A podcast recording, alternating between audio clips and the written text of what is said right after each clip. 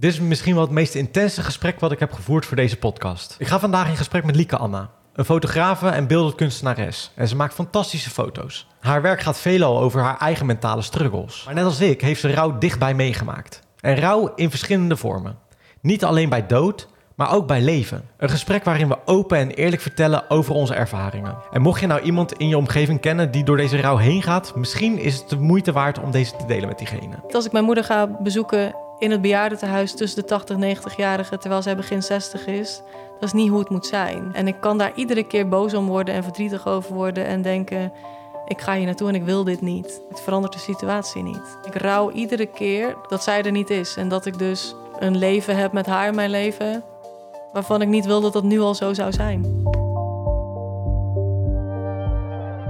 Hallo mensen, welkom bij een nieuwe Gek van Mezelf, de podcast. Vandaag ga ik in gesprek met Lieke Anna. We zijn nu met z'n tweeën, want Guilaine die dacht bij dit onderwerp, ja, heb ik niet zo heel veel over te zeggen. En dan zit ik alleen maar een beetje erbij. Dus ik dacht, nou, dan doe ik het een keer alleen. Ik ga jou aan, aan jou gelijk de eerste vraag stellen voordat ik je ga introduceren.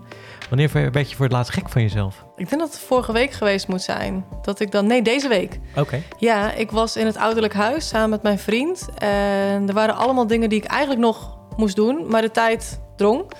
Dus het is allemaal niet gelukt. En dan baal ik van mezelf. En dan zit ik in de auto terug en denk ik, come on. Dus je had een lijst eigenlijk met dingen en die heb je niet half kunnen werken. Precies. Ja. Vindt mijn brein niet fijn. Nee? Nee. En, en wat doe je daarmee dan als je dan terug naar, op de weg naar huis zit? Zeg je dat dan tegen je vriend? Of is het is heel fijn dat hij dat dan nog eens extra benadrukt. Van nee, die, die dingen zijn niet gelukt. Hè. Zouden we dit niet meenemen? Ik zei ja, schat. Dat klopt. Ja, ehm, maar het fijne van wegrijden is dat ik ook kan wegrijden van de situatie. Dus ik kan het ook daar laten. Dat werkt voor mij altijd wel, uh, wel goed met dit soort dingen ook. Dan kan je het ook een plekje voor jezelf geven en dan zeg je van volgende keer beter? Of? Precies. En is het nou echt belangrijk? Moest het nou echt? Nee, eigenlijk niet. Ik ga je kort introduceren en ik hoop dat ik het gelijk goed doe. Want voorlezen is niet mijn sterkste punt. Maar uh, jouw naam is Lieke Anna. En op 19 juni 2020 krijgt haar moeder en haar beste vriendin een hevige hersenbloeding. Waardoor hun band compleet veranderde. In deze podcast gaan we het hebben over het onderwerp rouwen. Bij dit onderwerp denken we vaak aan dierbaren die zijn overleden, maar rouwen komt in meerdere vormen. Denk bijvoorbeeld aan wanneer een relatie overgaat of een vriendschap verbroken wordt. Dat is rouwen om iemand die er nog is. In deze aflevering gaan we het dus hebben over rouwen. De stellingen kan je over meebeslissen op @vetgezellig op mijn stories. En ik kreeg ook heel veel reacties vanuit jullie, ook heel veel uh, voice memo's. Dus daar gaan we daar naar luisteren. Ik heb een, een, paar stellingen die ik met jou door wil nemen. En dan mag je eigenlijk zeggen of je het eens of oneens bent met de stelling. Mm En dan uh, gaan we het erover hebben. De eerste stelling is: uh, rouwen doe je pas na verlies. Nee. En, en waarom, vind je? Um, er zijn zoveel meer manieren van rouw dan. Verlies is ook een heel breed begrip, hè? Mm Want ja, nou ja, nu ik over nadenk, rouw staat eigenlijk altijd wel voor een verlies. Mm. Hè? en dat kan een verlies zijn aan de dood, maar dat kan ook gewoon een, een verlies zijn van een contact wat je niet meer hebt. Mm. Of verlies van een toekomst waar je afscheid van hebt genomen, omdat dat niet voor je is weggelegd. Dus ik denk dat rouw wel altijd te maken heeft met verlies. Ja. Dat wel. Maar niet in de, uh, in de zin van alleen maar dat het uh, de dood tot nee. van volgen is. Nee, precies. Nee. Heb je dat veel meegemaakt, dat ook uh, verlies iets anders kan zijn dan alleen de dood? Oh, zeker. Ik heb heel veel uh, verlies meegemaakt in verwachtingen die ik had, maar die ik niet waar kon maken, bijvoorbeeld. Okay. En zowel op persoonlijk vlak als op uh, werkvlak. Dus ik ben werkzaam als beeldend kunstenaar en ik heb daarnaast heb ik ook liefde was nooit zo een ding waar ik heel goed in leek te zijn. Dus ik heb okay. wat dat betreft ook verlies meegemaakt dat ik wel verliefd werd op iemand, maar die ander niet op mij. Waarin het voor mij voelde alsof ik een potentieel lief verloor. Oh. Terwijl je dan, heb je, dan verlies je dus iets wat je nog nooit hebt gehad. Ja, dus eigenlijk het beeld verlies je. Precies. Of een visie die je voor je zag. Ja, ja precies. Maar je zegt liefde je, was je niet goed in. Hoezo dan? Omdat je verkeerde mensen aantrok? Of omdat je de verkeerde mensen leuk begon te vinden? Of? Ik had een neiging om te vallen op uh, onbereikbare types. Hoe ouder je wordt, hoe meer je... Tenminste, voor mij werkt het zo dat ik patronen begon in te zien van... oh, maar als ik echt oprecht goed zou kijken... dan zou ik van tevoren al kunnen spotten dat dit niet iets is waarin ik in te investeren heb. Maar deed dat dan vroeger toch? Ja. Dus dat is iets wat ik in mijn uh, adolescentie heel veel heb meegemaakt. Daar gelukkig wel van heb geleerd, mm. maar ook dus daarin veel verlies meegemaakt. Ja, ja. ja verliezen van relatie heb ik dan zelf wel meegemaakt. Daar heb ik ook een hele serie over gemaakt. Ik moet wel zeggen dat ik dus wel eens heb gezegd... Ik weet niet of ik daar nu... Ja, ik ben er sta nog wel steeds wel een beetje achter. Is dat ik dat toch nog iets heftiger vond dan een mens over verliezen. Omdat dat niet definitief is en een verlies van een persoon wel. Dus daar kan je, Mhm. ik me dan wat makkelijker bij neerleggen. Want ja, ik kan er niks meer aan doen, want diegene is er niet. Bij dat andere kan ik er nog misschien wel wat aan doen. Interessant. En dat vond ik altijd heel lastig. Ja, maar het is ergens ook wel interessant wat je zegt. Want je staat wel helemaal achter dat die relatie niet is verder gegroeid of dat dat is gebeurd. Niet gelijk, maar op een gegeven moment wel, ja. Ja, want jouw moeder is overleden. Ja. Had jij daar meteen vrede mee? Kon je dat accepteren dat dat, dat, dat was wat er zou gebeuren? Want is, zij is, je wist dat het zou gebeuren bij haar. Ja, ik was 19. Ik denk dat ik heel lang heb gedacht dat het niet ging gebeuren. Omdat we altijd wel positief bleven. Ze had botkanker. Omdat dat Mhm. misschien ook in je hoofd zit. Omdat je denkt van ja, altijd positief proberen te blijven in ieder geval. En, en kansen zien. Was zij daar ook heel positief in? Ze hoopte wel in ieder geval nog. Kijk, eh, op een gegeven moment was het zo dat, dat ze zei van... ehm, ik wil nooit in de rolstoel. Dat zei ze altijd. Op een gegeven moment werd het... Nou, als ik in de rolstoel kan zitten, dat zou wel fijn zijn. Ja. En op een gegeven moment was het... Als ik maar uit het bed kon komen, dan zou het wel fijn zijn. Ik weet eigenlijk... Daar ben ik te weinig ermee bezig geweest. Of ik weet of zij heel positief erin was. Ik denk dat ze wel ergens wel door had dat het niet meer ging. Mhm. Maar ik denk dat ik wel altijd hoopte dat het nog goed kwam. En pas toen mijn vader zei, maar we gaan een euthanasieverklaring tekenen, dat ik dacht van, oh ja, ja toen wist ik eigenlijk nog niet helemaal. Ja, ik wist wel dat dat betekent, maar toen dacht ik van, ja, dan kan het alsnog goed komen, dacht ik. Eh, en toen, toen- maar toen die de laatste week zei, ja, maar nu gaat het gebeuren, toen dacht ik, oh, ja, dat had ik toch niet helemaal zien aankomen. Nee. Ook wel of niet? Ja, ik was 19, dus het is, ik, weet je wat, het is lastig. Als je 19 bent, denk dat je heel anders in het leven staat. En nu had ik dat veel logischer en gedacht van, oh, oké, dus het is wel inderdaad, gaat wel de verkeerde kant op. Maar dat zag ik toen niet. Ik probeerde ook heel erg te vluchten daarvan. Ja, ik denk dat ik ergens in mijn hoofd er wel mee bezig was, maar ik toch heel tijd hoopte dat het niet zo was. Ja, jij, bij jou is het een beetje plotseling gewe- geweest. ja, mijn stiefvader is met twee weken Ja. ziek geweest. Ik weet niet hoe lang jouw moeder ziek is geweest. Ah, in principe is mijn moeder, toen ik 14 was, kreeg ze wel borstkanker. Toen ze de tweede keer ziek werd, zeg ik dan altijd, maar eigenlijk is ze altijd al een beetje natuurlijk sluimerend ziek geweest. Maar dat is mij nooit heel erg duidelijk geworden. Ik weet niet of mijn ouders dat niet eh, hebben verteld of dat, dat het nooit is verteld vanuit het ziekenhuis, maar dat het ooit weer eens terug kon komen. De tweede keer was het wel wat duidelijker dat het wel menens was, want ze kwam op een gegeven moment in bed te liggen en dat was toen daarvoor natuurlijk niet. Ehm, maar ik denk dat we wel heel erg hoop, ik in ieder geval hoopte dat het wel weer goed kwam. Je zegt twee maanden maar, dat is heel Twee kort. weken. Twee weken, twee weken, sorry. Mijn eh, stiefvader is drie jaar geleden, bijna vier jaar in maart, eh, overleden. En hij had alvleesklierkanker. En is eigenlijk maar twee weken ziek geweest. Dat wij als gezin hebben meegemaakt. Mhm. Met terugwerkende kracht had hij al maandenlang klachten. Eh, de pech van alvleesklierkanker is dat ze altijd te laat zijn. Bijna altijd te laat. Alleen als ze per toeval, bijvoorbeeld als je een scan moet maken, dat ze per toeval eh, die kanker ontdekken, dat ze er nog iets aan kunnen doen. Maar eigenlijk is in het gros van de tijd ben je gewoon altijd te laat. En met terugwerkende kracht had hij al last van kwaaltjes, maar dat bleken uitzaaiingen te zijn. Dus het was zo, ik werd gebeld door mijn moeder. Ehm, ik kom uit Zeeuws-Vlaanderen, woon zelf in Tilburg. Dat is een afstand van twee uur rijden. Mijn moeder belde mij ehm, dat ze een tumor hadden gevonden op zijn nier. Ehm, maar dat ik me verder niet heel erg zorgen hoefde te maken. En ik legde op en ik had toen nog niet het idee van ik ga meteen naar huis. En ik was aan het koken en ik dacht, een tumor op zijn nier. En hij kan niks meer, dit voelt niet goed. Dus ik heb teruggebeld, ik zei ik kom naar huis. Ehm, en daar was mijn moeder ook heel blij mee. En pas toen ik daar aankwam en mijn broer er ook was, werd ons verteld dat het veel erger was. Dat die tumor op zijn nier een uitzaaiing is. En dat er ook een tumor op zijn lever zat. En dat er eigenlijk ook al uitzaaiingen in zijn hersenen waren. Ehm, vanaf toen ben ik thuis gebleven. Ehm, en is mijn stiefvader ook heel snel eigenlijk op een ziekte, zo'n ziekenhuisbed in de woonkamer eh, beland. En zijn we vooral heel veel samen geweest. Mijn stiefvader die had heel duidelijk... als ik niet meer zelfstandig naar de wc kan, dan wil ik niet meer. Hm. En dat lijkt dan een heel ver van je bedshow... als je aankomt en je ziet je stiefvader nog zitten. Eh, wij wisten toen ook nog niet dat het echt terminaal was. Dat wisten we pas een paar dagen later... toen hij in het ziekenhuis ging voor een extra scan. Je weet niet van tevoren hoe snel een lichaam kan aftakelen als het ziek wordt. Ik kijk met heel veel liefde terug op die rouwperiode eigenlijk, of die periode van afscheid die we hebben gehad. Ehm, omdat we als gezin heel dicht bij elkaar zijn geweest. En we hebben gesprekken kunnen voeren waar ik nu nog steeds aan terugdenk. En ik heb afscheid kunnen nemen van hem. Mijn stiefvader is altijd als een vader voor mij geweest. Ik had een betere band, closere band met hem dan met mijn biologische vader. Dus het voelde wel echt alsof ik mijn vader verloor. Al snel werd ook duidelijk dat hij dus zijn grenzen, net als jouw moeder, op, op papier had gezet met een euthanasieverklaring. Voor de mensen die misschien nog nooit daarvan hebben gehoord. Ehm, en dat je op een punt komt dat je opschrijft van tot hier en, dan wil ik gewoon niet meer verder. Maar als dat punt komt, dan komt er dus een huisarts en een externe arts. En ehm, dan komt het moment van actief overlijden. Ja. Ik weet nog goed, het was die ochtend, de laatste verzorging van de thuiszorg kwam die ochtend. En ehm, mijn moeder was zijn uh, voeten aan het masseren. En mijn broer die was ook iets aan het doen. En ik hield een washandje op zijn voorhoofd omdat hij het zo warm had. En de thuiszorg komt binnen en zij schiet helemaal vol. Zij was helemaal in tranen van de warmte en de liefde die zij voelde in onze kamer. Ja, ja. En die middag is hij dan overleden. Ja. En mijn moeder en broer die ervaren dat als iets wat heel kalm ging.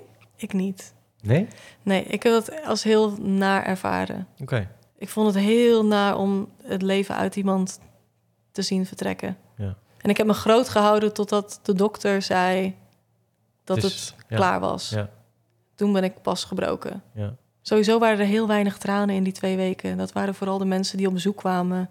Ja, herkenbaar. Nou, ik kan me uh, bij mijn moeder herinneren dat ik het uh, ook zo ervaren heb als jouw broer en je moeder. Ik vond het heel raar dat de wereld doordraaide en dat, je, dat, dat er best wel iets groots gebeurde, maar dat het leven weer heel normaal eigenlijk leek. Ik vond het te normaal lijken, dat vond ik een beetje freakish. Maar mijn moeder ging wel vredig omdat het euthanasie was. Maar ik heb dan, ja, voor mij is dat nu drie maanden geleden, met mijn stiefmoeder ook, maar die ging niet zo vredig. Want die lijkt dat ze gestikt is, uiteindelijk. En ik zat ernaast met mijn vader. Jezus. Ja, dus dat beeld zie ik nog wel voor me. Ik heb nooit verwacht dat ik dat... Maar ik kan er redelijk goed mee omgaan. Ik had dat nooit verwacht, want ik ben altijd bang voor de dood geweest. Is een soort van mijn worst nightmare om dood te gaan eigenlijk. En ook om daarmee bezig te zijn, dingen te zien en zo. En ik voelde ook dat ik voor mijn vader er moest zijn. En niet... Mm. Toen was ik er meer voor... Nou, moest ik er voor mezelf zijn. Of weet je wat, dan ben ik tiener. En dan... nu voelde ik ook een beetje verantwoordelijkheid van mijn vader. Die is weer alleen. Weet je wel, weer gebeurt het dat een vrouw overlijdt. En dit keer ging het heel snel. Want eh, ik had er woensdag nog aan de telefoon en vrijdag. Eh, en toen zei ze: Ja, ik ben ziek en het gaat niet zo lekker. En dat uh, zat COPD trouwens, om even. Maar ze was al een tijdje aan het kwakkelen met griepverschijnselen en dat soort dingen. En mijn vader die belde me daarna op toen ik had gesproken van ja, ze gaat wel naar het ziekenhuis, want het gaat even niet goed. Maar na het weekend is ze wel weer terug. En zaterdag is ze overleden. Dat is heel kort. Ja, dat was ja, in drie dagen. Eigenlijk. hebben jullie dus afscheid kunnen nemen wel? of was dat niet... Ja, ik, vrijdag... te onverwachts? Ja, vrijdag was ik bij haar op, uh, in het ziekenhuis. En toen hebben we nog wel gepraat. En toen zei ik ook tegen mijn vader toen ik terugging... Van, nou, het lijkt eigenlijk wel goed te gaan. Toen heeft hij me s'avonds al gebeld om 11 uur van ik zit weer in het ziekenhuis. Toen dacht ik, oh shit, dat, dat is niet goed. Nee. En toen zou ik de volgende dag daar naartoe gaan om even op, bij Rally te gaan zitten, zodat hij even naar huis kon. Toen ik aankwam, toen zei de, de zuster tegen me van uh, de situatie is veranderd. En toen dacht ik, welke situatie is veranderd? Hoe bedoel je? Ja. En toen kwam ik binnen en tien minuten later overleed ze. Ja. Ik kan me ook voorstellen dat je nu aankomt en iemand zegt dat, je, dat de situatie is veranderd, maar je hebt er ook geen beeld bij van wat je gaat aantreffen. Ik had er, toen ze dus je kan je ook niet voorbereiden. Nee, ja, precies. Maar toen ze zei de situatie is veranderd, toen dacht ik, oh, mijn vader gaat niet meer naar huis. Oké. Weet je wel, zo van, mhm. oh, hij blijft even daar of zo. Ja. Ik had er helemaal niet over nagedacht van, het gaat nu gebeuren of zo. Nee. Maar ik lijk er wel beter mee om te kunnen gaan. Maar dat komt misschien ook omdat ik mentaal al beter erin zit. Of de klap moet nog komen, want dat is, wel is echt nog heel kort geleden. Ja, maar het, ja, ja, misschien is het ook wel te kort geleden in die zin. Dat zou kunnen. Ja. Aan de andere kant heb je zo'n verlies. Ik weet niet hoe je band uh, was, maar... Wel goed hoor. Ja, ja. het klinkt alsof er een warme, ja, warme zeker, band Ja, ja. In het begin niet hoor, maar ik vond het eerst heel moeilijk dat mijn vader met een nieuwe relatie thuis kwam. Ja. Maar daarna wel. Het is ook heel anders natuurlijk uh, om uh, een, een stiefouder te krijgen als je ouders gescheiden zijn. Ja. Of vanwege weduwnaarschap, ja, zeg maar. Klopt. We gaan helemaal uh, een hele kant op dat ik denk... ja. Okay. Ja, want ik denk ineens wel, een scheiding is ook kei groot verlies. Precies, ja, rouw is eigenlijk in, in die zin... Ja, je, je het laat zich niet leiden, die fases. Want dat is, ik weet dat dat een stelling is die er ook in staat. Maar eigenlijk is wat wij doen, alles door elkaar, is ook wat rouw is. Ja, Het, is, het, is, het is heel onvangbaar, denk ik. Rouw is heel onvangbaar, want je weet niet wanneer het gaat gebeuren. Je weet niet om welke situatie je gaat rouwen. Nee. Je weet niet hoe je rouwt, want hoe rouw je? Ja, eh, als We leren het ook niet. Maar Ik- hoe kan je het ook leren? Want het is heel persoonlijk, denk ik ook weer. Ja. Dus het is heel moeilijk om het überhaupt te vangen. Maar ik vind dat, dat misschien dat ik dat wel het lastige vind aan verlies en dus het rouwen en zo. Ik weet niet per se wat ik aan het rouwen ben bij haar in ieder geval. Want ik ken haar eigenlijk niet zo goed. Alleen het idee van dat zij mijn moeder is en Het idee van je mama. ja, eigenlijk alleen dat. Heb je dat in... Is hij Rezi? Sorry, Rezi, wat? Nee, eh, je, je stiefmama. Hoe heet Ja. zij? Rally. Rally, sorry, ja, ja, Rally. ja, ja. Heb je dat in haar soort van mogen vinden, een, een mama? Of is die functie... Nee, dat Dan- is... Nee, denk, denk- die is dan weg, omdat zij ook... Ja, ik denk dat die fase 20... En ik, in het begin dacht ik ook van, wat moet je hier eigenlijk? Eh, nee, denk het niet. Nee, ik denk dat ik dat wel een beetje mis ergens. Dus daar ben, je, ben je daar dan wel rouwig om geweest? Of is dat voor jou van, dat is de situatie en... Ja, daar ben Ik ben wel, ja, ben ik wel. Ja, ja, dat, dat. Nou, nu ik erover nadenk. Het is ook. Ik moet wel zeggen, ik wil heel veel dingen in deze podcast. En ik merk dat het nu me een beetje aangrijpt dat dit waar we het over hebben. Want ik denk daar eigenlijk niet meer aan. Mhm, Of zo min mogelijk. Ja. En dat ik nu denk van, shit, ja, ik denk er eigenlijk helemaal bij mijn moeder heel weinig nog maar over na. Ja, vind ik dan ook weer erg zielig. Want ja, Voor wie? ja, weet ik niet. Want, eh, dat ik zeg van, ja, ik weet eigenlijk niet wie ze was of zo. Ja, dat is wel echt een beetje zo. Ik weet het ook gewoon echt niet. Maar dat vind ik ook wel een beetje kut ergens. Snap ik ook. Dat wil je, zoiets wil je eigenlijk ook niet. Nee, maar jij hebt met je... Want dat is wel wat ik dus heel... In, nou ja, ja, vind ik wel interessant eigenlijk. Jij rouwt bij je ma om dat ze anders is nu. Ik weet nog goed dat mijn moeder kreeg haar hersenbloeding... en daarna is ze kunstmatig in slaap gebracht voor drie weken. En ik weet nog goed dat ik mijn mama wilde bellen... omdat mijn mama er niet was op dat moment. Oh, zo. En mijn stiefvader was het jaar daarvoor overleden. Er was voor mij op dat moment geen, geen ouder waar ik me aan vast kon klampen. Dus het was ik en mijn broer. En als dan na een tijdje in het ziekenhuis blijkt dat de vrouw die wakker wordt niet is wie mijn mama was daarvoor. Dat je aan de ene kant blij bent, ze is er nog. Maar in hoeverre is iemand er nog als de persoon die het was er niet meer is? Ja. Maar goed, dat wakker wordt proces vond ik dus heel naar ook. Want het is de vraag van, zit iemand er nog in? En in de weken daarvoor, ik ben compleet automatische piloot overlevingsmodus ingegaan. Mm. Ik had het er laatst ook nog over met mijn broer. Hoe hebben wij die week eigenlijk beleefd? Wat hebben we gedaan?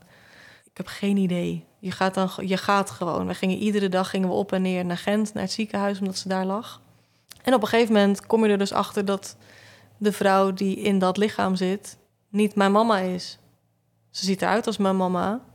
Ze klonk niet meer als mijn mama, want dat ding beschadigt je stembanden een beetje. Of tenminste, haar stemgeluid was anders. Ze was halfzijdig verlamd. Ze is halfzijdig verlamd, mijn moeder leeft nog. En ze is mentaal ook kapot. Er is gewoon letterlijk een stuk van haar hersenen is afgestorven. Mm. Waardoor zij ook empathisch is veranderd. Een korter lontje, overprikkeld, kan heel weinig hebben. Nu is dat allemaal gelukkig door middel van therapie is het wel opgeknapt. Maar het is nog steeds een ander mens. Herkenden ze jullie? Ja. Dat wel. Ja, want daar was ik ook heel bang voor. Ja. Wat, ik, wat ik wel heel naar vond, dan kan ik me ook nog zo voor de geest halen... dat ze op een gegeven moment vroeg, waar is Louis? Oh. Ik denk, je gaat niet menen dat ze is vergeten dat hij is overleden.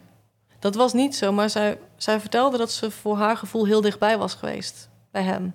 Zij was niet in haar lijf. Nee, ergens treden. Ja, ik heb wel eens gehoord dat eh, het uittreden van je lichaam, dus mensen die een bijna doodervaring hebben gehad, dat dat heel relaxed gaat en heel zacht, aardig en heel eh, vredevol en zo is.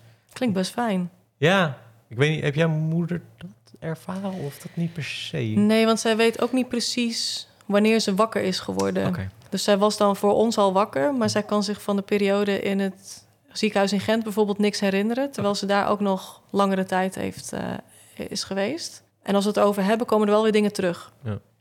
Maar zij voelde zich dus heel dicht bij, eh, bij, bij Lou, haar, Ja, haar, ja. haar man. Ja.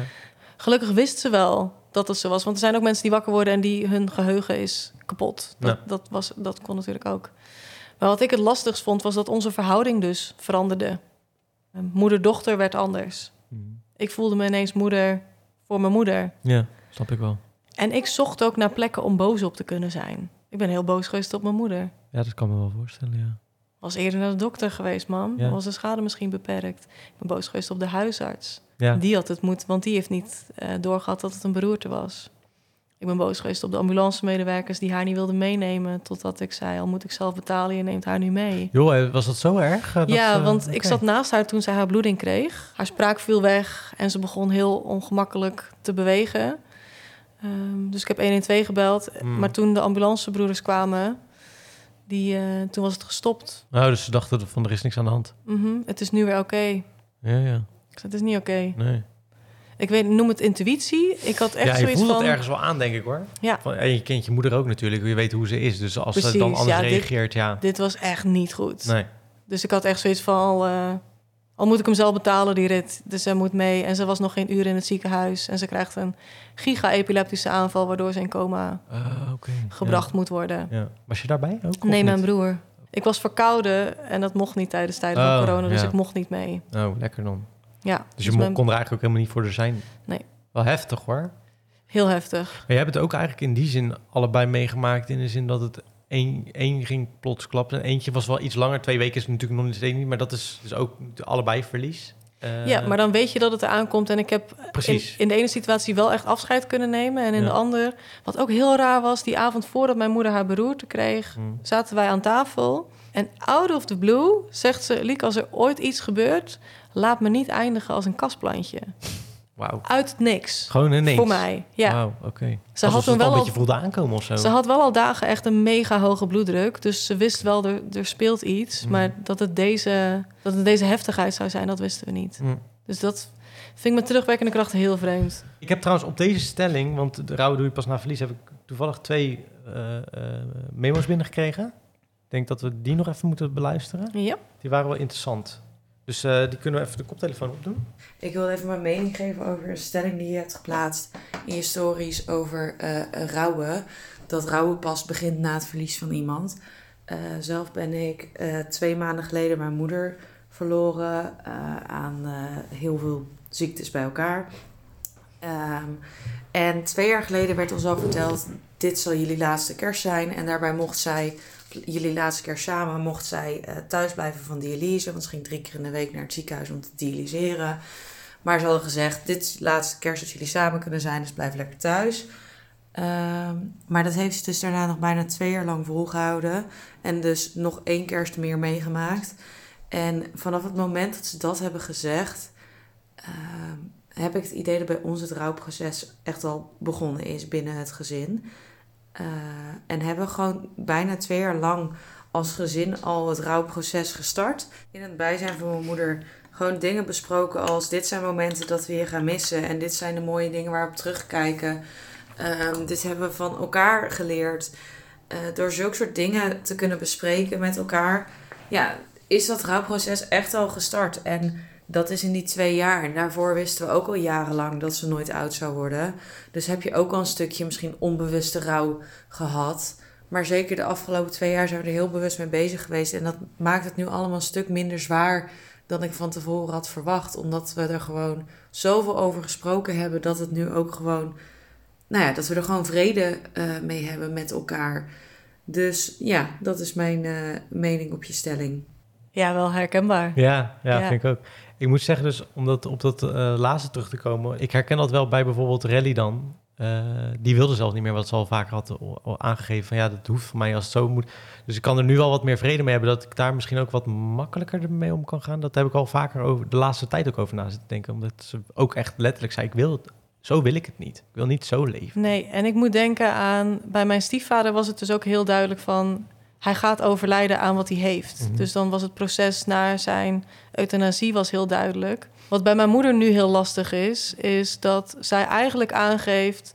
de kwaliteit van mijn leven is niet genoeg voor mij. Ja. Ik heb niet genoeg. Maar wanneer, daar heb ik ook gesprekken met haar over... wanneer eh, hak je dan die knoop door van tot hier en niet verder? Mhm. Dat is, als jij weet, ik heb een ziekte en ik ga daaraan sterven, is dat een heel ander proces dan nu voor haar. Dit proces met haar is veel zwaarder, omdat in principe gaat zij niet dood aan wat ze heeft. Niet acuut. Maar hoe bepaal je wanneer de kwaliteit van leven genoeg is? Hoe ziet dat eruit? En kan je daar dan een, een, een deadline, zo ja, speak, of een, op zetten? Of een harde Of- ijs of een hard punt of zo op te zetten, inderdaad. Ja, dat lijkt me ook Ja. inderdaad. Ja. En ik weet nog, toen wij dat gesprek voor het eerst hadden...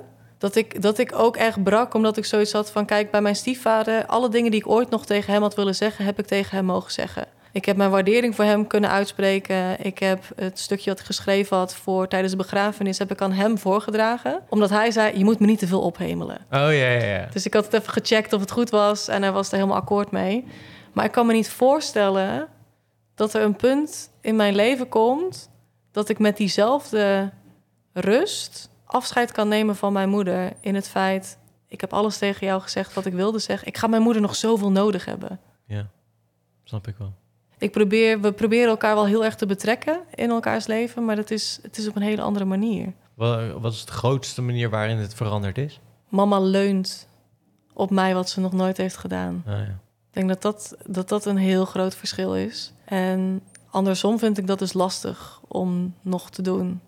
Ik heb het gevoel alsof daar minder ruimte voor is, of soms geen ruimte voor is. Eigenlijk vind, zitten we allebei op het punt: hoe accepteer je iets waarvan je eigenlijk niet wil dat het zo is, maar je weet dat het zo is? Mm. Weet je, ik weet als ik mijn moeder ga bezoeken in het bejaardentehuis tussen de 80 en 90-jarigen, terwijl zij begin 60 is, dat is niet hoe het moet zijn. En ik kan daar iedere keer boos om worden en verdrietig over worden en denken: ik ga hier naartoe en ik wil dit niet. En dat heb ik ook heel vaak. Het verandert de situatie niet. En dat is nog een innerlijke strijd die ik heb van ik rouw iedere keer als ik naar mijn moeder ga om het feit dat zij er niet is en dat ik dus een leven heb met haar in mijn leven waarvan ik niet wil dat dat nu al zo zou zijn.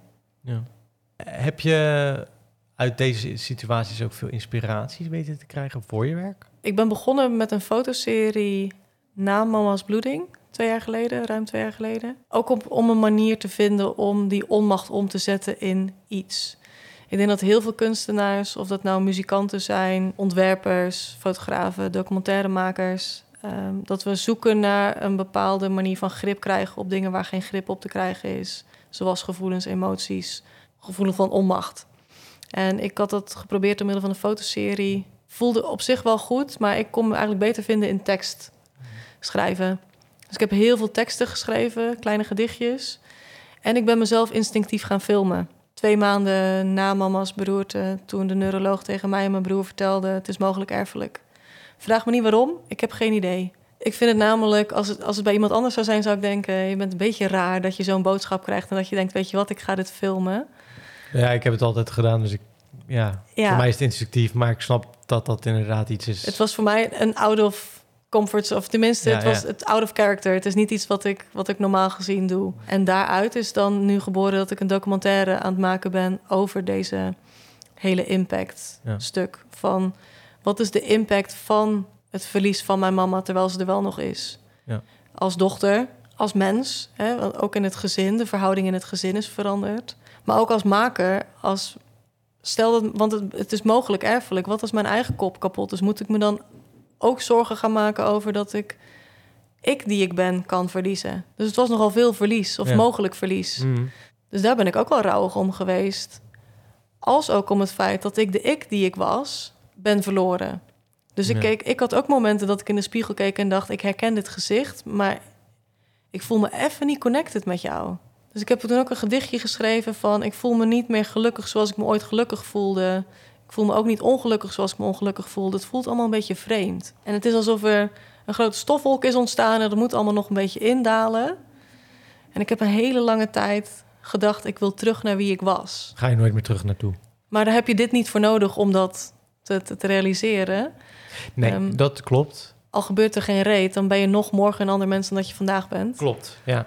En dat is ook heel verdrietig. Dat je denkt, ik wil, ik wil terug naar hoe het was, terwijl dat kan niet meer. Ik denk ook dat het niet moet zijn dat je wil dat het niet is gebeurd... of dat je gelukkig moet zijn, maar dat je accepteert dat wat is. En daar ben ik nog niet helemaal. Ga je er ooit te zijn, denk je? Nooit 100% de hele tijd. Nee. Dat is hetzelfde als dat je nooit helemaal gelukkig kan zijn. Het is een streven naar iets wat je, wat je hoopt ooit te bereiken, maar waarschijnlijk nooit gaat bereiken. Of de lat alweer verder legt. Ja, het is misschien een beetje raar om erin te brengen, maar ik wil het toch zeggen, want ik vind het gewoon belangrijk dat het gemaakt wordt. Je doet ook een crowdfunding daarvoor. Ehm, ik zal de link in de beschrijving van en de podcast en de video eh, zetten Dus ga er vooral kijken. Maar ik denk dat het wel een mooi project is inderdaad. Want het gaat ook echt over rouw. Uh, over, over de zoektocht naar wie ben ik nu eigenlijk uh, nu dit veranderd is in mijn leven. Ik denk dat het voor heel veel mensen wel inzichten kan geven. Daarom denk ik ook wel dat het mooi is als, als het gemaakt kan worden. Ik, ik ben eigenlijk van overtuigd dat het wel gemaakt gaat worden in de zin van sowieso. dat die crowdfunding sowieso ook gewoon 100% gaat halen. Maar alsnog, mocht je daar aan bij willen dragen, dan wil ik er toch even. Ja, ik vind het moeilijk om het in dit. Ja, te... snap ik. Maar het ik wil het wel gek. even. Ja, het voelt heel gek, want ik dacht van hoe ga ik zat net de hele tijd te denken, hoe ga ik dit er nou inbrengen? Want ik, het is zo'n moeilijk onderwerp en ik zat ook gelijk helemaal in mijn eigen ding, wat ik niet had verwacht trouw, trouwens. Ja, het overstijgt ook het onderwerp beroerte en hersenbloeding. Ja. Ik denk dat het veel meer gaat over de impact van verlies Ja. op je identiteit. Ja. Dat is het eigenlijk. Ja. Als Dat dit ik- elke stelling trouwens zo wordt, dan eh, wordt het wel een lang, eh, lang proces. eh je mij. ik zat ineens net te denken, ik denk, als dit, we zitten pas bij we stelling vliegen één. alle kanten. Ja, uit. Maar eigenlijk hebben we al alle stellingen ook al wel... Eigenlijk wel een beetje behandeld inderdaad. Ik wil nog Ja. wel even, er was namelijk nog, eh, nog één eh, bericht over eh, verlies. Stelling 1, Ja, stelling 1 binnengekomen, die wil ik ook, ook nog even laten horen. zeker. Ik wil graag reageren op de stelling: rouwen doe je pas na, na het verlies. Eh, hier ben ik het helemaal mee oneens. Eh, ik, de- hier heb je een term voor ook: anticiperende rouw. Dat is dat je rouwt als iemand nog leeft. En mijn moeder heeft jonge dementie. Op de 57ste is ze daarmee gediagnosticeerd en ze is nu 59. En ons mam is echt heel anders dan wie ze was. Dus ik ben continu aan het inleveren. Dit blijft een proces wat gaan is. Ik heb al heel veel gehuild, verdriet, gerouwd. Dit is niet meer, dit gaat niet meer gebeuren. Dit is mijn moeder niet meer. Rouwen is niet pas als ze echt daadwerkelijk overleden is. Ik ben al volop aan het rouwen. Het is niet zo zwart-wit. Bij de ene is het misschien zo, bij de andere is het zo.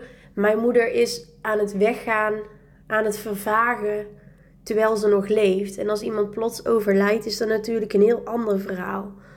Maar daar zit verschil in. Ik heb geen idee hoe het gaat zijn als mijn moeder dadelijk daadwerkelijk is overleden. Maar die klap is niet. Het is geen emmer die ik dan in één keer over me heen krijg waar ik nog allemaal afscheid van moet nemen. Want dat heb ik al gedaan. Ja, het klinkt stom, maar misschien. Ik wil niet praten echt in voordelen, want ik, het voelt niet per se als. Ja, misschien is dit het enige voordeel eraan. Ja, het is moeilijk om echt zo in termen aan, aan te hangen, voordeel, nadeel, maar ergens wel een beetje. En toen hield hij op. Ja. Maar wel redelijk duidelijk, denk ik. Ja, absoluut. En ik denk dat dat een van de vreselijkste manieren van verlies is... dat iemand dus langzaam verdwijnt. Ja, Iets wat ook steeds vaker voorkomt, heb ik eh, het idee, ook op jongere leeftijd. ja. Ehm, ik heb dat zelf ook in de, in de omgeving gezien bij iemand. Hm. Maar het lijkt mij zo vreselijk dat de persoon dus langzaamaan verdwijnt. Dus je bent eigenlijk constant afscheid aan het nemen. En constant in rouw. En nu ben ik dat ook met mijn moeder. Maar als ik naar haar luister, is het eigenlijk een proces van structureel afscheid nemen en steeds meer. Want die gesprekken heb ik dan met mijn moeder. Ik weet niet of, of, of dat bij haar zo is. Maar dat de dood op een gegeven moment niet meer gezien wordt als iets ergs, maar bijna als een verlossing van eh, ondraaglijk lijden. ja. Ik had echt niet verwacht dat ik zo'n heftig onderwerp zou vinden. Nee? Ik dacht, nou, ik ga hier wel doorheen. Want ik dacht al, ik kan er heel makkelijk over praten. Maar als je er heel erg in zit, dan denk ik... Ook met jouw verhaal, dan denk ik, ja... Het is ook gewoon best wel ruk eigenlijk. Het is ook kut. Het is gewoon kut. We maken ook een podcast die eigenlijk helemaal niet wil maken, toch? Nee, maar ik weet, ik denk wel... Ik, ik hoop ergens mensen eh, een klein beetje steun eraan te kunnen geven. Van dat dat... Ja, ik weet niet in welk... Ja, het is gewoon, het is gewoon zwaar. Ja. Ik denk ook nu met de kerstdagen. Ik moet wel zeggen, met, met de feestdagen en zo vind ik het ook altijd wel. Merk ik wel aan mezelf dat ik het altijd een beetje. Dan zie ik mensen gezellig met elkaar hebben en zo. En, en ik, nu bijvoorbeeld met mijn vader vind ik het heel lastig voor hem. Ja. Want ik denk, ja, zit hij alleen in. Weet je wel, dat uit- uiteindelijk heb ik mijn leven hier en hij zit weer ergens anders in Nabijland. Dat is eh Hoekzwaard. Voor mij een uur. Voel je je schuldig? Ja, wel. Maar ja, kan, hij komt wel op eerste kerstdag met mijn zus en, en haar man naar ons toe. Ik gun hem niet dat hij alleen zit. En ik weet dat hij nooit echt iets met de kerstdagen heeft gehad. Maar je voelt het wel. Tuurlijk. En, en, en oud en nieuw, je voelt het wel. Ik kan er niet altijd zijn. En dat weet hij ook wel. En, dat, en, en hij vindt het ook niet erg om alleen te zijn. Maar ja, ik vind dat wel. Is gewoon ruk. Ja, het is gewoon vreselijk dat, Ja, dat je weet dat je pap dan ja alleen zit. alleen zit. Ja, ja. ja. Dus, dus ja, ben ik ook En aan de andere kant kan je het ook niet... Je kan het niet opvangen, want ik vind Nee. dat ook... Al, Al zou ik iedere dag naar mijn moeder gaan, dan is het nog niet genoeg. Nee, precies. Nu zijn wij denk ik ook allebei wel mensen die redelijk veel van zichzelf vragen.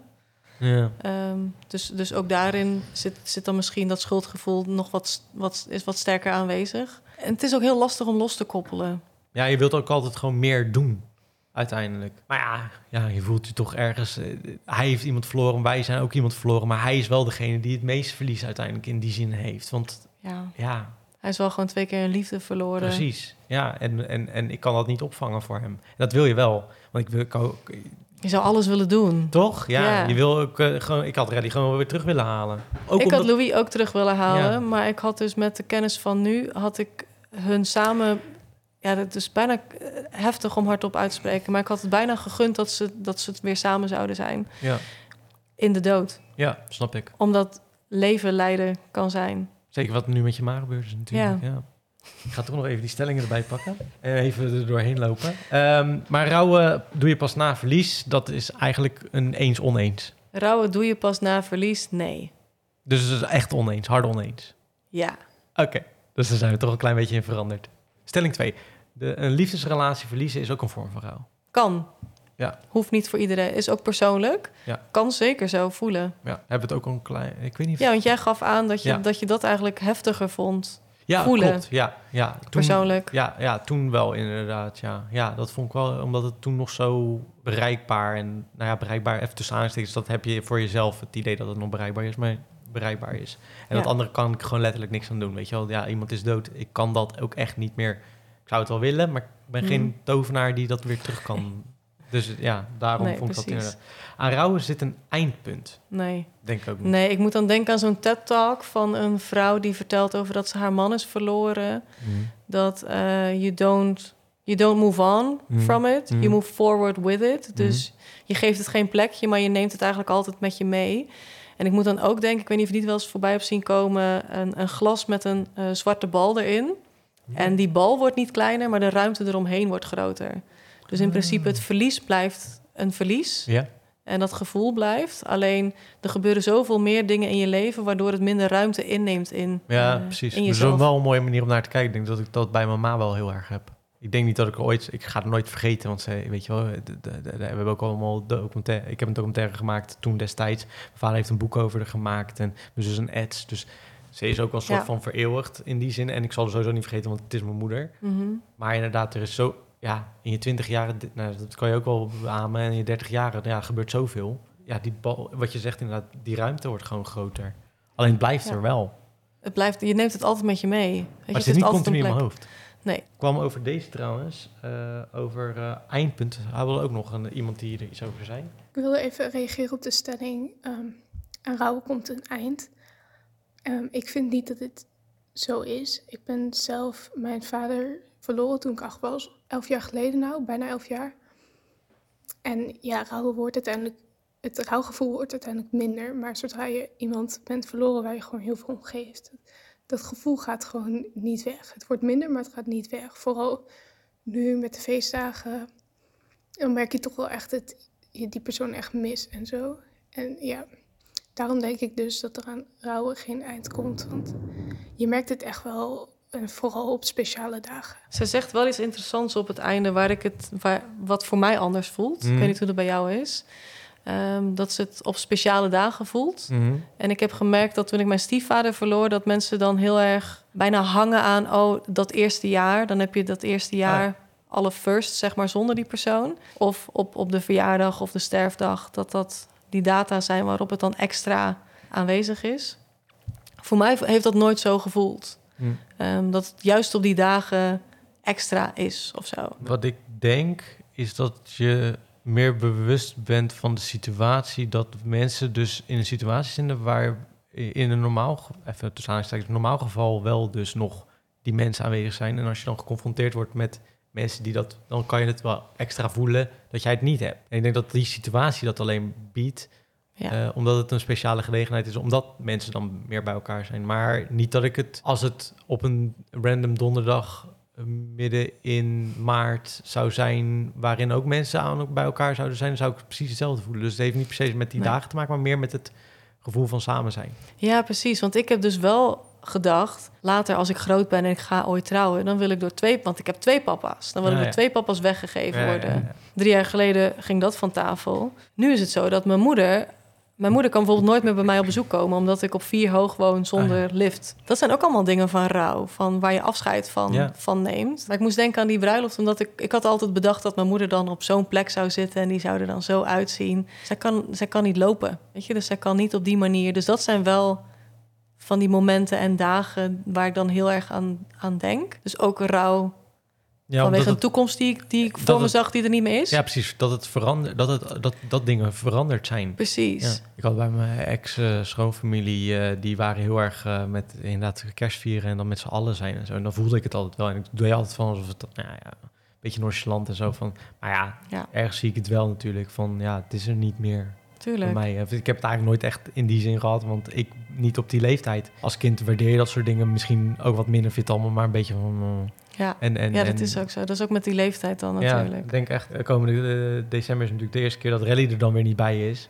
Dit was degene wel die, degene die het altijd een beetje aan wilde kleden. Dan dingetjes ging kopen, servetje, dit, zus, zo. Weet je wel, allemaal Ja. leuke dingetjes ervan wilde maken. En dan altijd de best deed. Ja, dat is er dan niet meer. Dus dat, dat zal wel echt wel ook weer even... Maar anders. Voor, Ja. Omdat het... Ja, het is gewoon, ja, het is gewoon anders het dan kan weer... ja, ik kan me ook voorstellen dat mensen, mensen aan tafel missen bij het kerstdiner... doordat familiebanden zijn verbroken Ja. of contacten. Ja, en daar kan je ook Ehm, trouwens om zijn, natuurlijk uiteindelijk. De- Ja, want mijn moeder was echt de lijm van onze kleine familie. Ja, ja. ja. En de, de, de echte familiebijeenkomsten zijn ook niet meer. Nee, Ik heb, ben ook heel verdrietig om geweest. Dus het heeft zoveel meer impact dan alleen die persoon... en de functie die die persoon voor jou had. Mhm. Het waaiert echt veel meer uit. Ja, het is een beetje een andere uitzending geworden als dat ik had gedacht. Maar ik ben altijd wel, we zijn altijd wel redelijk stru- structureel, maar het, ze zijn zo erg in dat verhaal gelijk gedoken. Het zijn dat echt die persoonlijke verhalen waardoor je dan... ja, want dan, ik was ook gelijk ineens dat ik dacht, oh, eh, ja, maar ik wil dit eigenlijk ook nog. Oh ja, maar toen dacht ik van ja, dit is het verhaal en het er is eigenlijk ook niet echt een leidraad in te vinden. Eh, Rouw is zo, zo breed ook in die zin. Rouwen kent geen positieve kanten. Stelling 4. Oneens. Ja, ik ook. Want ik heb het daar regelmatig met mijn vriend over. Die is daar heel stellig in dat verdriet en geluk... dat dat van dezelfde plek komt. Oké. Ben ik het niet helemaal mee eens. Ehm, maar ik kan er wel in mee. En ik ben er wel over gaan nadenken dat verdriet om bijvoorbeeld dat iemand er niet is... is ook omdat je diegene altijd wel als fijn hebt ervaren in je leven. En ik kan... Dat, dat, dat heeft me wel tijd nodig gehad, hoor. Ja. Dat, ik, dat ik door verlies ook kan nadenken aan de positieve dingen, bijvoorbeeld. Mhm. Maar ook door, in mijn geval, eh, maak ik regelmatig foto's en die deel ik dan met posts rondom het thema rouw. Maak ik ook mooie gesprekken mee over het onderwerp. En ehm, dus er, zijn veel meer aspecten die eraan verbonden zitten dan alleen maar het feit dat rouw en verlies pijn doet, Ja. denk ik. Ik weet Ja. niet hoe dat voor jou. Dat herken ik wel. Voor mij is het wel dat. ehm, ik denk dat het mooie wat ik zelf aan, eruit heb gehaald. is dat ik als mens wel veranderd ben. En dat in ik welk opzicht? nou, ik meer ben gaan nadenken over dingen. In sommige gevallen misschien een beetje verkeerd gegaan is. Omdat ik dan ook veel te veel ben gaan stilstaan bij de dood. En de angst daarvoor heb ontwikkeld. Maar ik ben, doordat mijn ma is overleden. en eh, daar rouw en, en dat hele proces heb meegemaakt. Denk wel heel anders in het leven gaan staan als mijn leeftijdsgenoten van die tijd. En eigenlijk nu nog steeds merk ik dat wel. De meeste mensen die ik ken hebben nog hun ouders wel. Ja. Eh, het begint wel nu steeds meer op te vallen dat mensen van mijn leeftijd ook wel een ouder toch gaan verliezen. Maar ik ben wel altijd een van de weinigen geweest die inderdaad een ouder eh, verloren heeft op een jonge leeftijd. Ja, op een leeftijd dat je echt nog je hele zelf Ja. ontwikkelt. ja, maar ik denk dat ik daardoor dus wel meer ben gaan nadenken ook over de verhalen die ik dan bijvoorbeeld over haar heb gehoord. Dat ze inderdaad ook altijd angstig was. En toen dacht ik van ja, ik ben altijd angstig geweest. Ik wil dan eigenlijk niet dat andere mensen nog hetzelfde meemaken. Dat zij niet durven daarover uit te spreken en zo. Ik denk dat door dat, dat, heb ik, dat zou ik nooit hebben gehoord, denk ik, als ze niet overleden was. Want dat, Nee. houdt, dat hield je binnen. Dat, dat, dat is die generatie uiteindelijk ook gewoon. Zou je ook durven zeggen dat als je moeder niet overleden was... Had ik dit niet gehad, Precies, weet ik zeker. Ja, dan had ik ook niet het boek geschreven, had ik niet de podcast gehad, had ik hier niet gezeten nu. Ja, klinkt heel cru, maar ik ben ergens ook... Ja, nee, nee, ja, ik had dit ook allemaal niet willen missen. Dus het is heel lastig, want ik zou mijn moeder wel terug willen hebben, natuurlijk. En, en mensen zeggen dan altijd van, jij wil alles weggeven. Omdat, maar ik weet niet of ik alles wil weggeven. Nee. Ja, en dat nee, is, want het gevolg daarvan is dit. ja, Dus heb ik ook Guylaine niet, misschien niet, heb ik eh, eh, dit wat ik allemaal heb kunnen opbouwen, is ook maar, is maar, ja, je kan dan zeggen van het is maar, eh, ja, wat is het nou eigenlijk? Maar het is wel iets wat ik heb, helemaal gemaakt heb.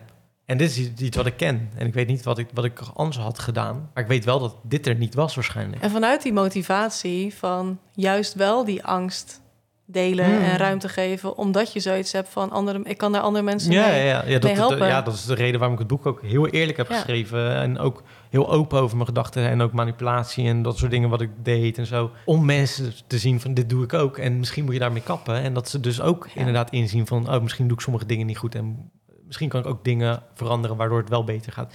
Ja, ik vind het heel lastig en ik zou eigenlijk het liefst eh, heel eh, deugend willen zeggen. Ja, ik zou mijn moeder willen terugkrijgen en dan alles zou ik opgeven. Maar ik Sociaal denk, wenselijk gedrag vertonen. ja, maar ik denk, als ik heel eerlijk diep in mijn hart Ja. kijk, weet ik niet of ik dat zou doen.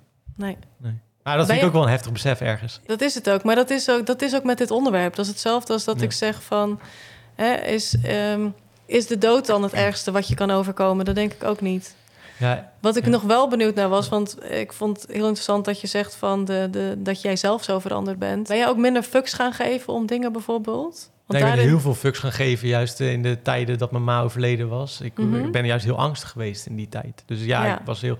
Dat is pas nu van de laatste tijd. Eigenlijk wel nu de rally overleden is, dat ik wel denk van... Ja, ik moet ook maar gewoon denken van... Sommige dingen moet je maar gewoon doen. En ik kan me wel druk gaan Ja. lopen maken. Bijvoorbeeld, ik heb zo'n tik wat mijn vader ook altijd... Altijd belt druk maken over of je wel genoeg verdient. Weet je wel, niet in de zin van... Ik moet genoeg verdienen om die grote auto te kopen of zo. Maar meer kan ik wel mijn huur blijven Ja. betalen en dat soort dingen. Maar nu denk ik van, ja, weet je, als het echt niet lukt en ik zou financieel eh, onderuit gaan of zo, wat op zich wel een grote angst zou zijn voor me, dan maar wel. Maar dan heb ik tenminste wel geprobeerd wat ik wilde. Ja, over die fucks zeg maar. Ik had op een gegeven moment zoiets van... ja. Mijn grootste nachtmerrie was mijn moeder verliezen en dat was al gebeurd. Ja, Dus wie Was- maakt mij nog iets? was me op letterlijk mijn grootste ding ook altijd, dat mijn ouders zou verliezen. En toen, luk, toen gebeurde het, toen dacht ik, oh, dat Hmm. voelt zo. Oké, ik leef nog door blijkbaar wel. Want Ja. je denkt dat je eigenlijk Ik blijf, helemaal... ga niet op de grond liggen en... eh, Precies, de film, eh dat filmmoment, dat, dat heb ik nooit zo gevoeld. En ik dacht Nee. altijd dat dat moest gebeuren. Ik dacht ook, wanneer en die klap kwam ook niet binnen? daarna. Zo van... Nee, niet. Ja, ja. Nou, ik denk dat ik nu ga liggen. Ik heb heel, eh, ja, ik heb heel veel moeite mee gehad, maar dat ging kwam op, op allemaal zo verschillende manieren tot je in angsten, in ja, Je hebt heel, eigenlijk heel veel klappen gehad, maar niet niet wat je schetst van... oh, Nee. dat komt daardoor. Nee. Eén op één, zeg maar. Ja. Nee, mijn klap kwam ook veel later. Ik kreeg vorig jaar, dus een anderhalf jaar daarna. Ja. Dat, dat was wel alsof, alsof ik gewoon omgehaald werd. Ja? Ja, omdat ik de hele tijd maar doorging. En En dus ook heel hard. wat ben- merkte je dan? De- Je kon gewoon niks meer. Nee, ik werd, eh, het werd heel donker in mijn hoofd. Hm. En het lukte, me, het lukte me niet meer om mijn, mijn, mijn brave face op Ah, te ja. zetten. Heb je altijd een soort van masker gehad dan of zo? Of? Ik heb dat nooit gehad totdat mijn moeder die hersenbloeding kreeg. Ah. Ik was altijd, wij hebben in ons gezin eh, was altijd heel veel ruimte voor emoties en eh, we mochten altijd alles eh, delen. Er was altijd ruimte voor. Mhm. Maar mijn moeder liet iets anders zien. ja. Zij was zelf iemand die juist dingen opkropte en niet te veel eh, deelde, omdat zij dat vanuit het gezin had meegekregen. En toen zij dus wegviel, ben ik met terugwerkende kracht, ben ik dus, als ik daar naar terugkijk, ben ik haar gaan kopiëren. Dus ik ben gaan opkroppen omdat ik, er, omdat ik het gevoel had, nu moet ik er zijn. En ik ben daar pas daarna in therapie achter gekomen dat dat dus op die manier, want het is niet heel bewust dat je denkt, oh weet je wat, ik ga nu mijn moeder nadoen. Ja. Een soort van overlevingsstrategie, modus. Dat is geen leven. Je houdt dat niet vol als mens. Op een gegeven moment moet die overlevingsmodus moet doorbroken worden. En bij mij kwam dat doordat ik toen dus een de- depressie kreeg en ik mentaal gewoon helemaal aan de grond zat en ik moest gewoon terug mezelf opbouwen en mezelf liefde geven. Ja. Ik heb dat echt, echt moeten leren. En dit keer echt, zeg maar. Als, het, het voelde echt alsof ik gevloerd was en weer helemaal opnieuw moest bouwen. Dat ik ook lijstjes had met... ehm, als ik vandaag eh, drie keer heb gegeten... en ik ben een keer buiten geweest en ik ben opgestaan... dan is het een succesvolle dag. Ah, ja, Weet je, zo, Ja, zo je terug naar nul. Ja, ja, ja. Ja, ik haat het altijd als mensen dat zeggen. Ja, ik had, ik had toen dat, maar ik ben er nu beter uit geworden. Ah. Maar je bent er wel beter uit Ik geworden. ben er beter uit geworden, maar dat stopt dus niet. Want ik, kan, ik, ben, ik weet dat ik gevoelig ben voor donkere gedachten. Het stopt niet, zeg maar, het gevoel van... Ik, ik weet dat als het me gebeurt, dat ik eruit kan komen. Je weet dus Maar- meer een kracht dat je denkt van oké, ik weet. Maar als die donkere wolk in mijn hoofd zit, dan ben ik dat helemaal kwijt. Ja, dat ken ik. Dat heb ik met angst precies hetzelfde. Als ik inderdaad heel angst ben, dan denk ik van ik had dit vorige week niet. Hoe kan het? Alsof je en hoe- echt in een huis bent beland, en je, maar je kan die deuren niet meer openen Ja. of zo. Je weet, dit is mijn huis, dit is mijn hoofd, maar ik kan er gewoon niet meer bij. Maar je weet ergens wel waar, wat je moet doen, Ja. maar je weet het ook weer niet. Het is heel ik ongrijpbaar kan er dan. echt niet bij. Nee. Tenminste, zo probeer ik het me telkens voor te stellen. Ja. En ik hoorde laatst wel iets heel moois, alsof je, alsof je zeg maar in een auto zit met al je eh, ja, stukjes persoonlijkheid. En, en dat kunnen dan angsten zijn, ehm, depressieve gevoelens, onzekerheden. Die zitten allemaal in de auto, Ja. maar je zit wel zelf aan het stuur. En dan denk ik, ja, dat is een heel mooi symbool Ja. voor als je oké in je vel zit. Klopt, dat is zo inderdaad. Ja, dat moet je niet horen als je er middenin Nee, zit. dan nee. denk je, Nee. Eh, om, eh, dan denk je, geef mij een Tesla, die rijdt tenminste uit zichzelf. Ja, inderdaad, dat zou lekker zijn trouwens. Ja. Ja. Stelling 5. Om verlies te verwerken moet je elke fase van rouw worden afgerond. ik heb ze denk ik wel allemaal doorgemaakt, maar ook niet op volgorde. Ik heb me er nooit in verdiept wat de fases überhaupt zijn. Ik ben ook zo iemand die dan naar therapie gaat en zegt... zeg maar wat ik moet doen. Ja, ja, precies. Kan je, ga jij maar even voor me... Kan je even... eh, geef me Ge al geef je me zo'n to-do-lijst. Ja, ik ga het wel doen. Als ik dit afrond en, ik, en het is opgelost, ik doe het met liefde. Je zou zeggen dat is iedereen zo, maar ik ben er wel achter gekomen dat niet iedereen zo in elkaar Nee. zit. Nee. Heel veel mensen eh, vinden dat juist heel moeilijk. Ja. Sowieso om de stap te nemen naar durven reflecteren eh, op Stap, jezelf. Ook de stap te nemen om eh, toe te geven dat je zelf het moet gaan doen. En dus er niet een psycholoog... En jezelf een- überhaupt op waarde schatten dat je jezelf die hulp gunt. Dat je het ook kan. Mhm. Ja, dat is, ja. Want niet iedereen heeft een liefdevolle omgeving die steunend is en dat setje geeft. Maar, ja. Laat ons dan dat setje zijn. ja. Dus mocht je denken van, joh, ik voel toch dat ik wat moet gaan doen. Willen wij je supporten? Precies. Doe het. Ja, want je bent het waard sowieso. En je gaat er zoveel meer uithalen dan dat je voor mogelijk houdt. Echt waar. Het is niet alleen dat je uit een dal komt of uit nare gevoelens. Je leert ook inzicht over jezelf. Ja. En ik denk dat, en dat is iets wat je meeneemt. Ik ben heel dankbaar dat ik ook mijn eigen patronen beter ben gaan eh, herkennen. Ik ook. 100%. En ook, deel, zelfs ook deels met het, door het verlies ook wel. Omdat ik ook Ja. niet... Kijk, ik kon mijn vader natuurlijk altijd wel terugvallen. Mijn moeder is toch wel anders. Eh, En vroeger ging ik altijd naar mama toe. Mijn moeder. En dat kan niet meer. Dus ik denk dat ik daar wel veel ook op mezelf heb geprobeerd te reflecteren. Van oké, hoe ga ik dit zelf dan oplossen en zo. Nou werd dat ook altijd wel vanuit mijn vader gestimuleerd. Mijn vader was ook altijd van, ja, je weet hè, je kan het zelf. Je weet, je weet het. Je bent er wel vaker uitgekomen. Maar ja, omdat je dus niet die veilige haven altijd... Nou ja, heb ik wel met mijn vader wel. Ik wil niet hem, maar met je moeder is toch even anders. Eh, dat niet had, moest je er zelf aan... Ja. Misschien kunnen we vragen of mensen iets willen doen als ze de podcast helemaal hebben geluisterd. Zodat we weten dat mensen hem ook echt helemaal hebben geluisterd. Ja, als je hem dus nu tot hier hebt geluisterd, tot voordat we het spel heel even gaan spelen, hebben geluisterd, ons berichtje sturen. Eh, dan hebben we een mooie kalender die we Ja, we gaan eentje weggeven. gaan we eentje weggeven. En je hoeft eigenlijk niet zoveel te reageren. Gewoon dat je tot hier hebt geluisterd. En Precies. Het is een hele mooie... Ja, kan je er nog iets over zeggen eigenlijk over deze serie? Is er, is er iets... Het zijn, ehm, ik heb inmiddels twee foto's daarvan ook gepubliceerd, maar het zijn dus nog tien foto's die ik nog niet online heb gedeeld. Dus je, Ah, hebt, eh, je haalt ook echt een exclusief eh, dingetje in huis, zeg maar. Dus het is een, eh een 12 maanden kalender voor 2023 met eh, zelfportretten geschoten in zowel IJsland als eh, Zeeland. En een kenbare rode jurk. Precies, ja, rood is wel echt een favorietje. Ja, En eh, het lijkt me heel leuk om er eentje weg te geven aan iemand die tot hier heeft geluisterd. Ja. Dus slide in de DM's van Vet Gezellig of Lieke Anne, zou Ja, ik zeggen. doe dat vooral inderdaad. Dan gaan we nu heel even... Ja, ik, ik weet toch dat ik ook jullie eh polls en zo moet meenemen. En hoeveel jullie... De meeste dingen waar wij het eens of oneens mee waren... waren jullie het ook eens of oneens. Het is een beetje een gekke uitzending, maar ik wil wel nog even... om het even een beetje af te sluiten op een... Nou, ik hoop dat we een normale vraag krijgen... dat we even naar het mentale gezondheidsspel gaan. Het mentale gezondheidsspel is dus een spel wat wij ooit hebben ontwikkeld. Nou, ooit, twee maanden geleden hebben ontwikkeld. eh, ook voor deze podcast. En er staan dus allemaal vragen in. En eh, we gaan er allebei eentje trekken en die kunnen we aan elkaar eh, stellen.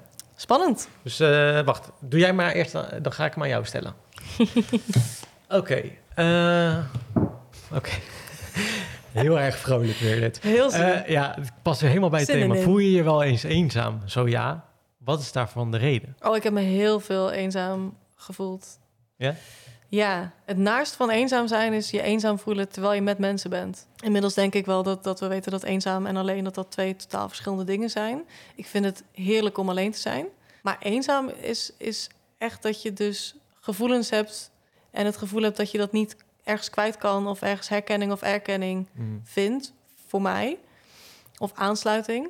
En ik kan dan dus me heel erg gaan opsluiten in mezelf. En dan soms ook een beetje slachtoffer spelen en dan zielige series gaan kijken en dat echt helemaal opzoeken. Soms moet ik het helemaal even doorvoelen voordat ik het los kan laten. Ja. Gelukkig heb ik dat wel veel minder. Ja? Ik heb dat vorig jaar, dus toen, toen ik echt in, in een zwarte periode belandde, heb ik me ook heel eenzaam gevoeld. En dan duurde het ook even voordat ik weer mensen wil, voordat ik dat deelde. Ik denk op onze leeftijd eenzaamheid toegeven dat je je eenzaam voelt ook best wel, ja, best wel taboe is, misschien ook wel ergens. Ja. Eh, maar ik denk dat er heel veel mensen op dit moment erg eenzaam zijn. Ik denk ook wel een thema wat ik ook nog een keer wil aansnijden. Maar ja. Heb jij wel eens eenzaam gevoeld of mag, mag alleen ik de vraag? Nee hoor, het mag wel. Eh, ja, zeker. Toen ik eh, heel erg angstig was. Want toen, ik, toen mijn relatie net uit was, toen dacht ik echt van, nou ja, wat ga ik nu doen in mijn leven? Ik had, ik, ik had niet voorzien dat ik dit allemaal zou gaan doen op een gegeven moment. Dat ik het zou durven. Toen zou ik het boek ook gaan schrijven. Dat was net gezegd van, oké, ik ga het wel doen. Ja, toen, ja, heb, ik heb weken alleen gezeten thuis. En kon ook niks, want ik durfde niet eens van de bank af te staan om naar de wc te lopen. Dus dan zit je alleen met de kat op de bank. Mhm. En dan koop je een soepie. En dan eet je dat. En dan voor de rest kijk je een beetje tv of luister je podcast of iets. En dat was mijn leven. Ja, dat was wel eenzaam. Heb je met terugwerkende kracht dat ook een soort van nodig gehad om daar weer uit te komen? Ja, zeker. Want ik moest echt op mezelf teruggeworpen worden om überhaupt eh, om het zelf aan te gaan. Ja. Om, om het zelf te doen. Want daarvoor voelde ik me ook wel eenzaam in de relatie hoor. Want het was al een beetje lange tijd aan het sudderen. Dat er iets ging gebeuren en dat het uiteindelijk loskwam van elkaar. Dat had ik wel Oh, door ja, ik heb me ook al eenzaam in een relatie gevoeld. Ja, Dat is ook naar. ja. je want dus dan voel je met- ook met iemand. Je Maar bent dan, samen, maar dus voor je gevoel niet samen. Nee, nee, daar ben je dan ook heel erg gestrest over. Ook Zeker. Dus dat, ja. Ja, want dat brengt dan ook weer heel veel onzekerheden. ja, dat is de grootste onzekerheid, vind ik wel. Hoor. Relaties vind ik echt... eh, ik ben blij dat ik nu heel erg stabiel eh, daarin heb. En ik heb dat eigenlijk altijd al... Ook die relatie met haar heb ik ook altijd stabiel... tot de laatste fase eigenlijk, waarin het heel onzeker ineens werd. Relatie is ook, we doen allemaal alsof, eh, alsof dat het summum is van geluk. Maar het is ook intensief en, en, en heftig in de zin van partners die elkaar spiegelen. Ja. En, en Klopt. ook heel leerzaam weer. Zeker, ja. Dan mag jij er nog eentje... Oh, we gaan afsluiten met een upper. Oké, nou dat is leuk. Hey. Hey. Op welk moment in je leven was je het meest trots op jezelf? Toen het spel gemaakt werd, ik heb het nu al vaker volgens mij gezegd. maar ik ben dus een van de weinige dingen waar ik dus inderdaad wel echt trots op ben dat het, eh, dat het gelukt is. En dat we het hebben gedaan en dat ook de ballen hebben gedaan, genomen om het maar te doen. Ja, Eh, want je weet nooit of het lukt of, of dat het lukt of dat het mensen het aanspreekt en zo. Maar ik dacht van, ja, kan het geld... Als ik het geld kwijt ben, vind ik dat heel erg. Ja, het is vervelend, het is veel geld. Maar dan heb ik het wel gedaan. En dan kan ik wel, als ik dadelijk 60 ben, denken van... joh, ik heb wel dat spel uitgebracht. precies. En eh, ik was heel erg blij mee, want het is heel erg geworden wat, wat, waar wij voor staan. En wat, wat ik zelf ook leuk vind. En dus nee, daar ben ik Super heel waardevol. En jij? Ja, ik was ondertussen al aan het denken. Ja, dat dacht ik al. ik zag je ook denken je zag, van... en ik wow, dit is, want dit is echt een grote vraag. Ehm, en ik vind het eh, regelmatig, vind het gewoon lastig om dan een moment aan te wijzen. Ja, Maar ik denk dat als ik kijk naar de afgelopen jaren, dat ik het meest trots ben dat ik steeds liever voor mezelf aan het worden ben. Ehm, en dat ik het mezelf gun. oh ja. Ik, heb, eh, ik ben heel lang heel hard voor mezelf geweest, omdat ik, ik vond dat ik niet goed genoeg was. Ja. En dat kwam dan door andere dingen van vroeger. Maar ik ben, ik ben heel trots op de weg die ik heb afgelegd in die, die liefde voor mezelf. Het is lekker zweverig. Ehm, en daarnaast wat, wat we met de film aan het doen zijn, met de documentaire Ja, die ik maak. Dat is ook, het is groter dan mijzelf. Voelde ook omdat je... ik heb vijf keer eh, willen stoppen. Ja, snap ik. Dat ik dacht, ik zou het niet waarom? aandurven. Waarom wil je ja, dit? Ja, ja. Hoezo zou je dit doen? Ehm, maar ik ben heel trots op dat, dat ik door... Ik ben een doorzetter. Ja. En dat heb ik nooit van mezelf gedacht of durven... eh, hardop durven zeggen. Ja. Ja, bedankt voor dit gesprek. Ik moet zeggen, ik echt, ik ben helemaal eh drained, zo'n beetje. Ja. Eh, bedankt voor het luisteren ook. Ik ben heel benieuwd, eh, mocht je hier iets over willen zeggen, kan het onder de video. Je kan ook ons DM'en. Nogmaals bedankt voor het hierheen komen om hierover te praten. Zo openhartig ook. Met heel veel liefde. Ja, en ehm, jullie tot de... Nou, dit is denk ik de laatste trouwens van dit jaar. Dus eh, bedankt voor het luisteren. Tot volgend jaar. En dat is raar om te zeggen trouwens, begin december. Ja, en tot de volgende keer. Zeker, dankjewel.